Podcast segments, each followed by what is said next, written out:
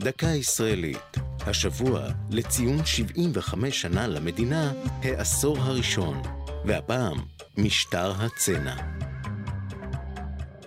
תארו לכם שהתפריט היומי שלכם מבוסס על 60 גרם תירס, 58 גרם סוכר, 60 גרם קמח, 17 גרם אורז ו-20 גרם מרגרינה. כך נראה חלק מהקצבת האוכל היומית לנפש בתקופת הצנע.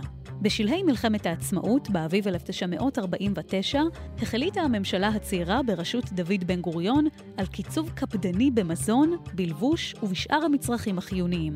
הכנסות המדינה הצעירה לא כיסו את הוצאותיה, והמוני העולים החדשים תבעו תנאי מחיה בסיסיים. הממשלה ביקשה גם לעורר בחברה ערכים סוציאליסטיים, תוך גיוס האזרחים למטרה משותפת. כך נקבעו המכסות הצנועות, והתושבים קיבלו אותן אחרי סימונן בפנקסים אישיים שהיה עליהם להציג בחנויות המכולת. תחילה נענה הציבור למשימה.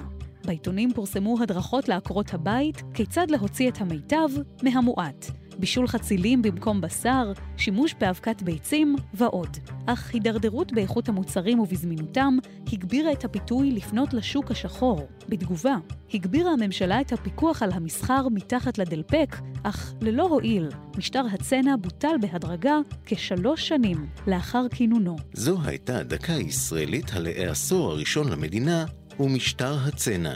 כתבה מאיה רכלין, ייעוץ הדוקטור מרדכי נאור, הפיקה פרח בר גולדפרב.